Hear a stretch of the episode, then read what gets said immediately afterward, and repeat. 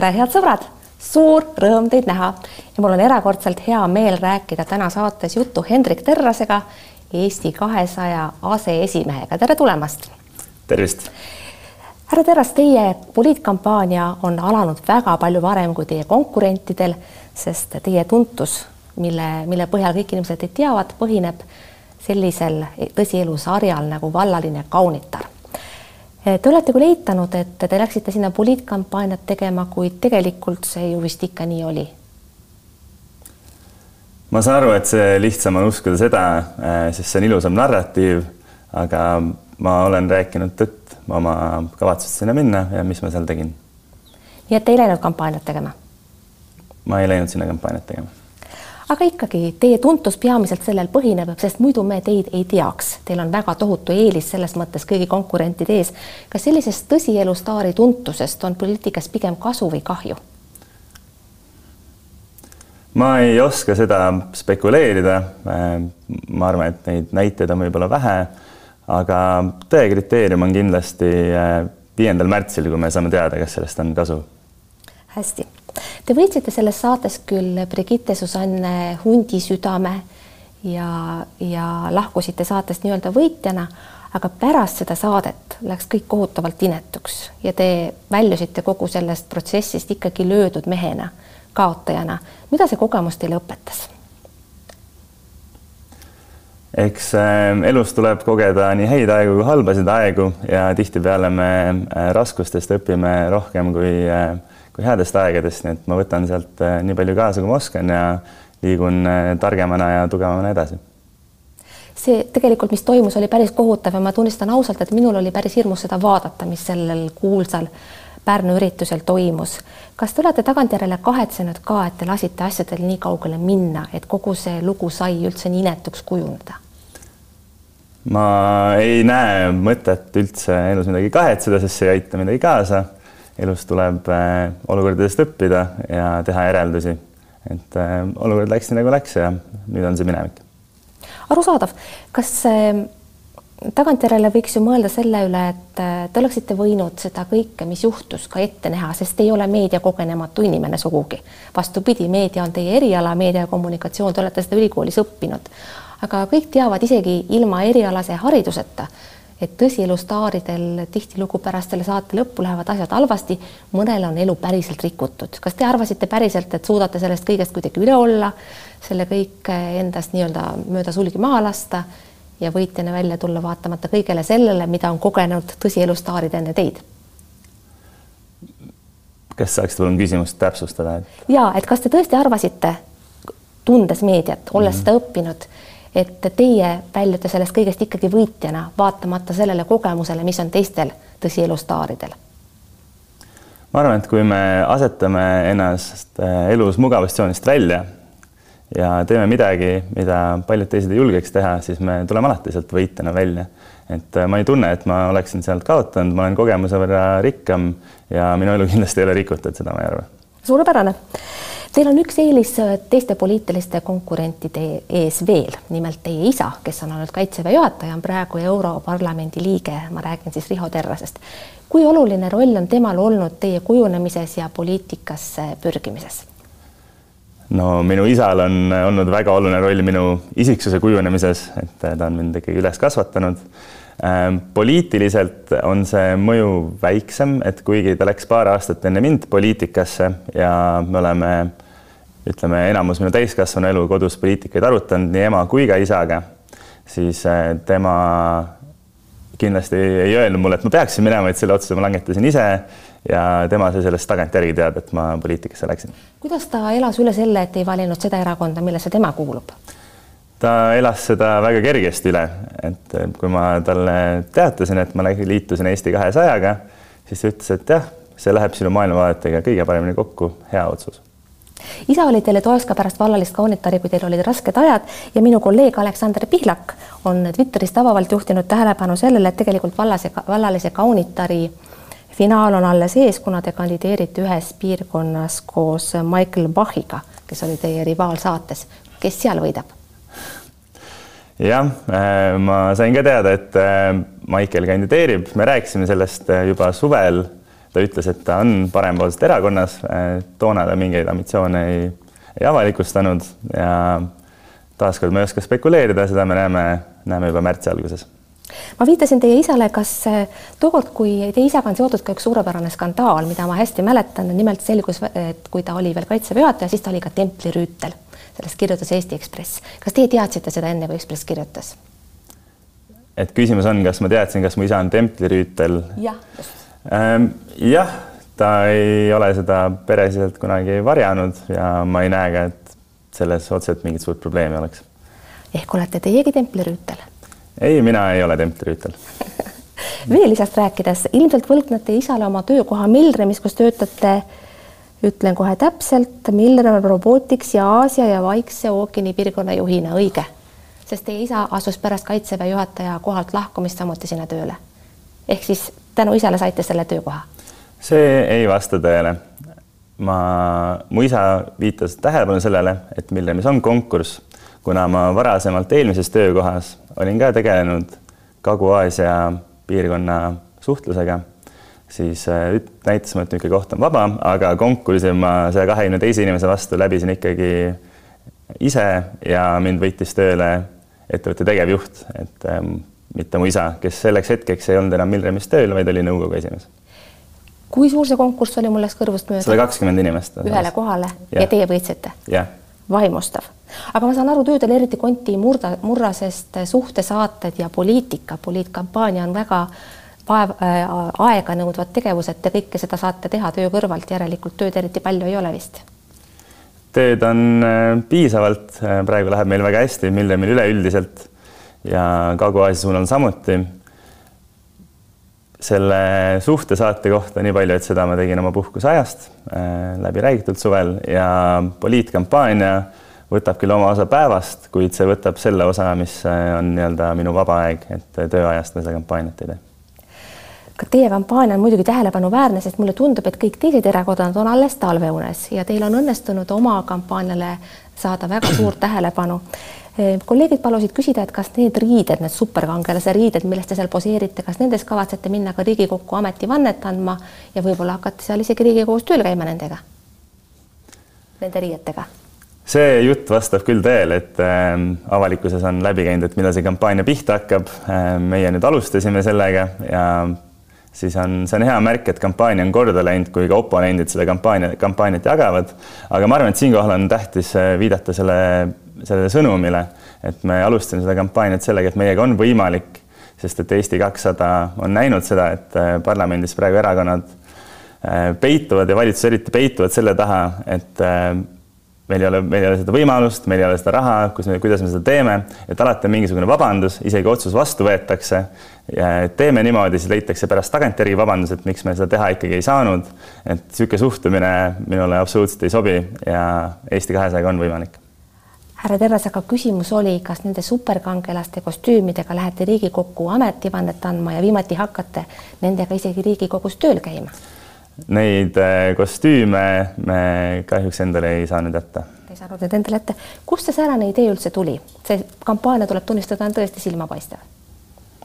see idee tuli meie reklaamimeeskonnalt. ja teie olite kohe valmis seda tegema? absoluutselt lubate pöörata poliitika pea peale, see on iseenesest äh, kummaline lubadus, tavaliselt uued poliitilised jõud lubavad äh, asju siis pöörata õigetpidi ehk siis pea pealt jalgade peale tagasi. mida teie mõtlete sellega, et pöörate poliitika pea peale?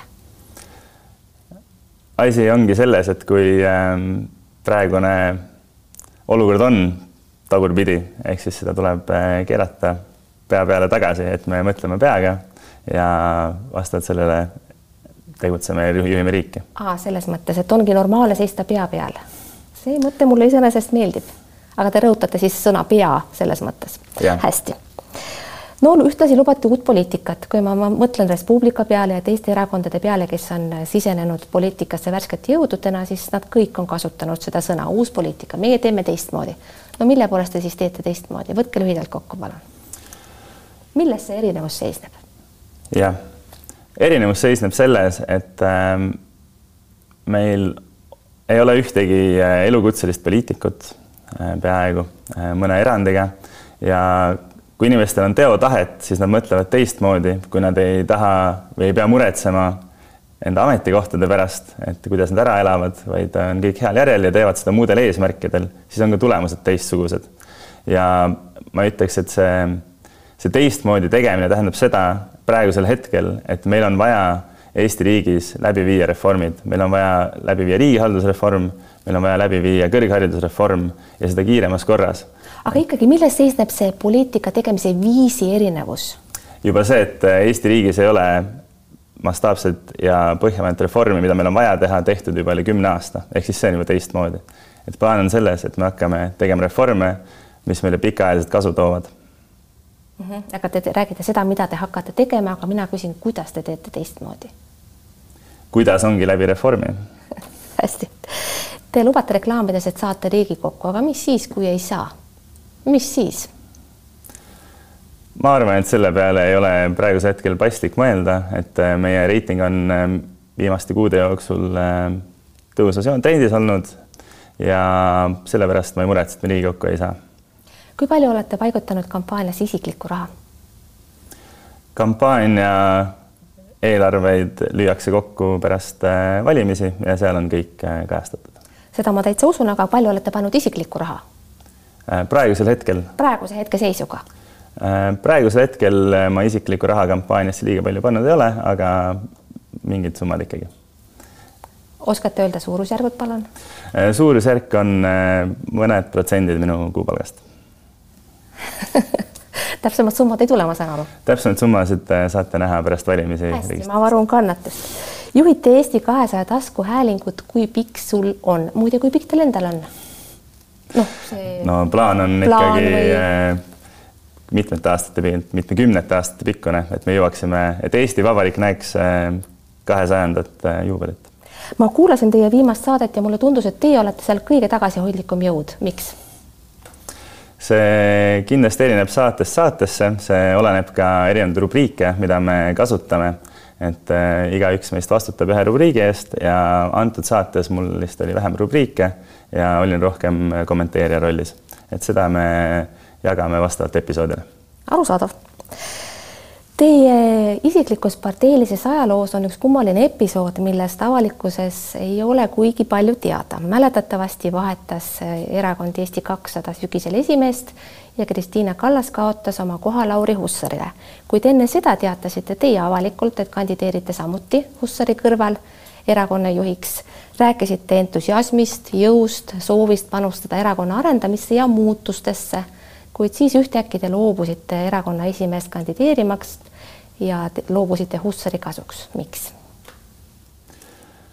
ma nägin seda, et erakonna reiting oli langenud äh, kümme kuud enne uue juhi valimisi ja sain aru, et äh, enne Riigikogu valimisi tuleb meil teine käik sisse panna.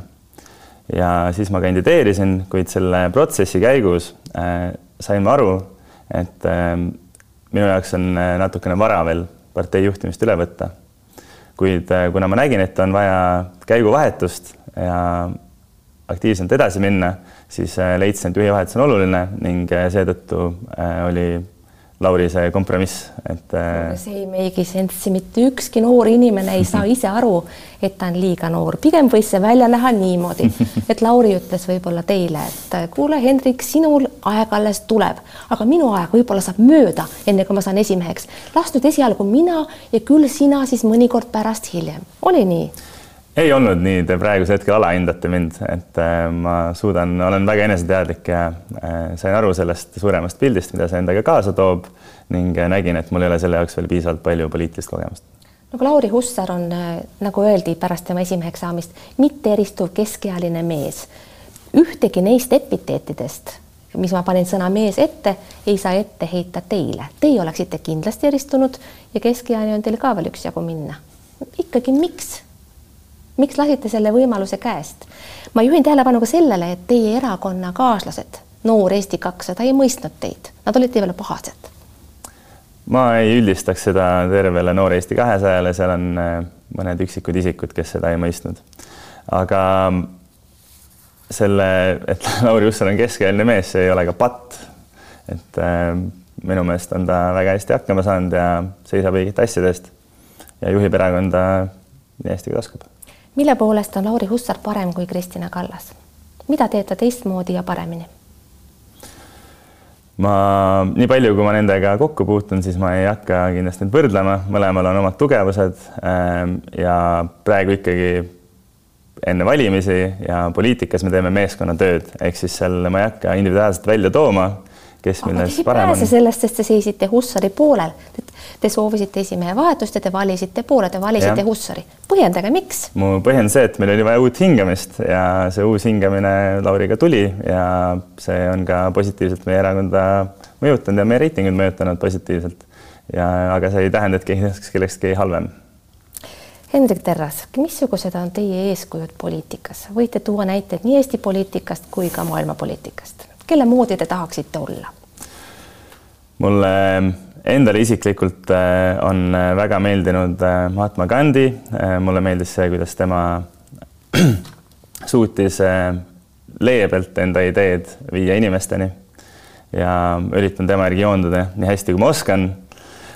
Eesti poliitikast on, ähm, ma ütleks, et on eeskujuks kindlasti mu enda erakonnakaaslased, kellega ma igapäevaselt äh, koos töötan ja nendest motivatsiooni saan. et äh, ma seal isiklikult kedagi välja tooma ei hakka, aga meeskonnana koos töötades on hea näha, kuidas me üksteist motiveerime. kas on ehk ka teistes erakondades poliitikuid, kelle veendumusi te ei jaga, aga kas teie meelest ajavad oma asja oskuslikult, on kogenud ja, ja selles mõttes eeskujulikud? absoluutselt on et äh, on, äh, ma ütleks, et kõiki kolleege, enamus kolleege ma inimlikul tasandil väga austan. aga kui maailmavaated ei, ei ole, ei ole ühised, siis see ei tähenda seda, et me inimestena nendesse hästi ei suhtu. missugused on teie isiklikud ambitsioonid poliitikas? saada Riigikokku? noh, tõenäoliselt saate, kui erakond saab, sest olete üldnimekirjas kolmandal kohal. aga laiemas mõttes saada Riigikogu liikmeks, istuda oma neli aastat seal ära või saada ministriks või moodustada valitsus? Minu isiklik ambitsioon ei ole kindlasti moodustada valitsus, minu isiklik ambitsioon on see, et Eestit juhiks liberaalsed jõud ja progressiivsed jõud. ja see roll, mis mina seal mängin, on täpselt selline, nagu mulle antakse ja mida ma kanda suudan. et praegusel hetkel on eesmärk saada Riigikogu liikmeks ja eesmärk on Eesti kahesajaga moodustada valitsus ja hakata enda programmi ellu viima Äh, ministriportfellist praegu on äh, natukene vara veel rääkida.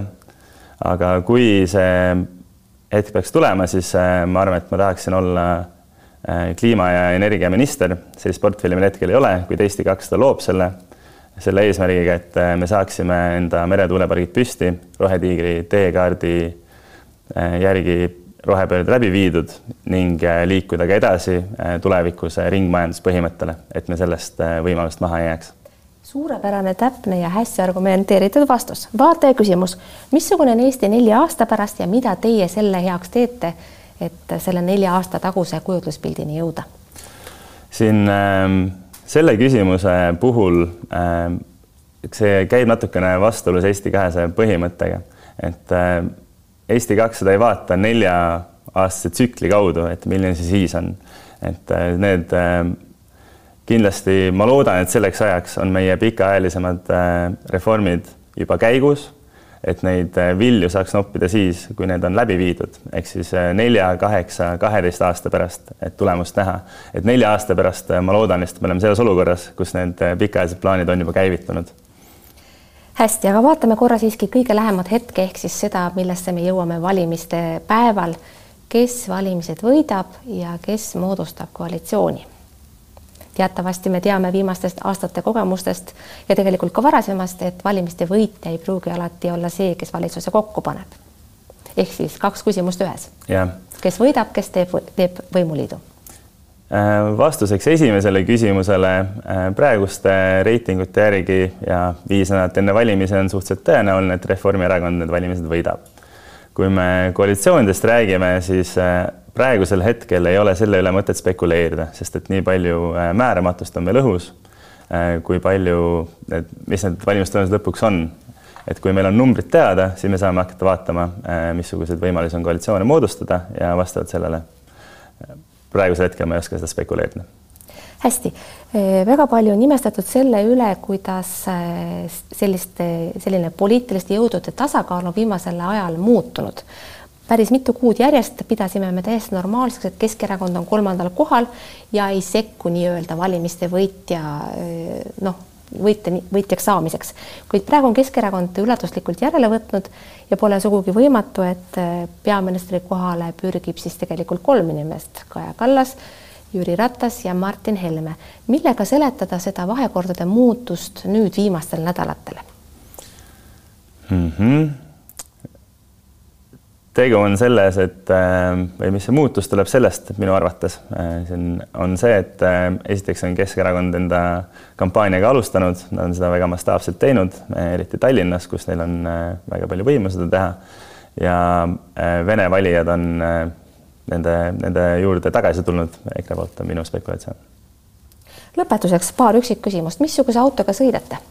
mina sõidan Toyota Yaris hübriidiga ja missugust autot sooviksite liisida maksumaksja raha eest, kui pääsete Riigikokku?